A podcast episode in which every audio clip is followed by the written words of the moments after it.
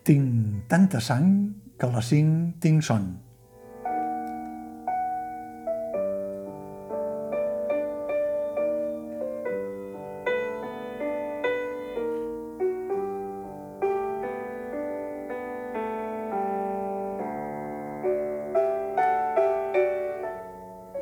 Que no dormi ningú, diu l'ària de Turandot, coneguda com a Nessun Dorma, de Giacomo Puccini, que la dramaturga resident aquesta temporada de la sala Beckett, Eu Manzanares, ha adoptat per retre un homenatge a la seva àvia i de retruc també a la seva mare, dues dones de classe obrera que van patir les conseqüències d'una postguerra, la primera, i les d'un presumpte benestar social, la segona.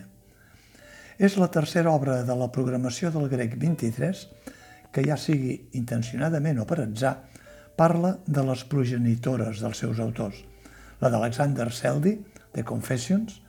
la de Sergi Balbel i Emma Vilarassau, l'Ali Simon, i la d'Eu Manzanares, que, a més, es mou també, com la de la Vilarassau, amb el triangle familiar d'àvia,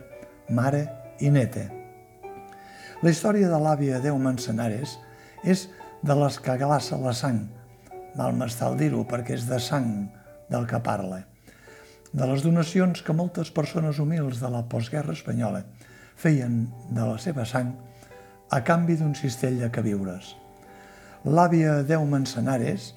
feia un llarg recorregut des de Santa Coloma de Gramenet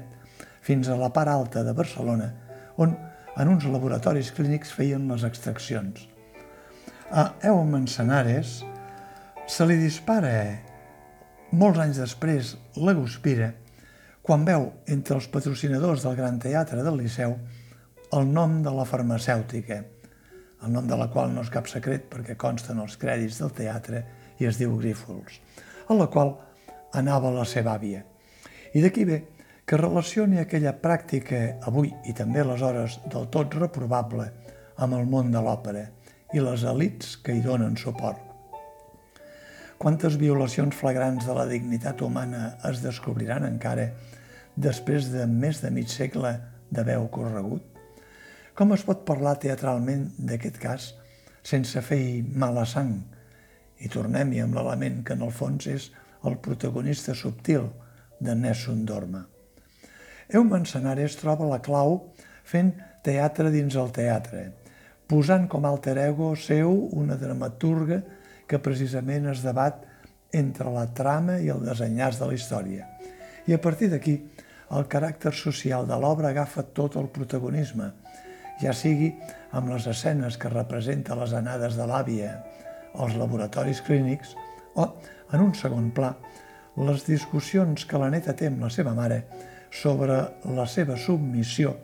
a les presumptes amabilitats de les senyores de les cases a les quals ha dedicat hores i hores de dona de fer feines sense cap condició laboral. De la necessitat vital de l'àvia per alimentar la família, gràcies als cistells de queviures a canvi de la sang, es passa a la conformitat de la filla instal·lada còmodament en la seva classe de dona de fer feines, però que li permet pagar els estudis de la neta dedicada al teatre i que és la que es revela des de la seva generació, tan necessitada i tan precària com les dues anteriors, però menys conformista que aquelles dues. Eu Manzanares fa un equilibri entre la denúncia social i la comèdia, un registre que esclata a mitja representació amb un grup de tres activistes disfressats de superherois de plastilina que es debaten entre fer justícia o venjar-se de la classe que els té amb l'aigua al coll. Uns superherois que, de fet, tenen una relació amb les escenes anteriors de la mare de la dramaturga de ficció i la recollida de les figuretes que cadenes com McDonald's regalen als seus clients per acontentar les criatures. No expliquem res més que desveli les sorpreses del muntatge, perquè la sensibilitat de la denúncia social i la fantasia teatral que proposa l'alter ego de l'autora està prou ben lligada amb un guió manifestament atractiu que manté l'expectació dels espectadors durant l'hora i tres quarts de l'obra. Turandot hi és present sempre, en les escenes de la donació de sang i les escenes de fantasia teatral. I el desenyàs de l'obra no està per bromes. Riu-te'n tu de la bomba del Liceu del 1893 comparat amb el que passa a Nessun Dorma. Eu Manzanares ha tingut l'oportunitat de comptar amb un repartiment que arrodoneix la seva proposta amb el llistó ben alt i marca el pas amb la seva caracterització múrria i humorística la mare de la dramaturga interpretada per l'actriu Anna Barrachina i posa el to de la humiliació de postguerra, gairebé sense paraules, però amb l'expressió evident de la situació que pateix l'àvia, l'actriu Caral Casasaies, sempre a l'alça. Puja el to de la protesta la neta, l'actriu Tai Fati, enèrgica i de paraula clara. I s'hi llueix una vegada més la infermera dels laboratoris clínics, que fa doblet amb una productora de teatre, l'actriu Júlia Trujol, camaleònica en tots els papers que se li encomanen. A més de les intervencions espaterrants de l'actor Pepo Blasco, que ha assumit el compromís en només set dies després de la lesió de l'actor Pep Ferrer i que ja sigui en el paper del doctor dels laboratoris clínics o en el paper de l'hereu contemporani d'aquests laboratoris, a més del doblet que fa amb un dels superherois, on aixeca el to de l'humor des del seguiment, amb seriositat d'un debat ideològic sobre l'activisme entre els tres integrants de la cèl·lula activista, fins a l'acudit sobre què fer amb un presumpte Donald Trump sota el balcó de casa. Em fa l'efecte que l'obra Nessun Dorma, Déu Manzanares, cauria com un gerro d'aigua freda si es representés al Gran Teatre del Liceu,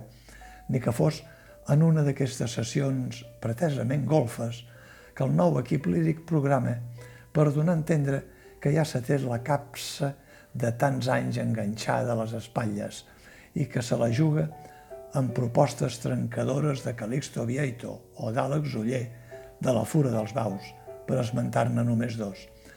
Però això no vol dir que els liceïstes més empedreïts no puguin veure Nessun Dorma a la sala Beckett. De segur que si ho fessin, es mirarien amb uns altres ulls segons quines butaques i llotges vitalícies dels patrocinadors que van decidir aixecar de les cendres el nou Liceu després de l'incendi del 1994. La memòria històrica, pendent de ventilar, també és que se sàpiga que moltes àrees que ara estremeixen els sentits dels melòmens són possibles gràcies a la sang que van regalar molts avantpassats anònims com l'àvia Déu Manzanares.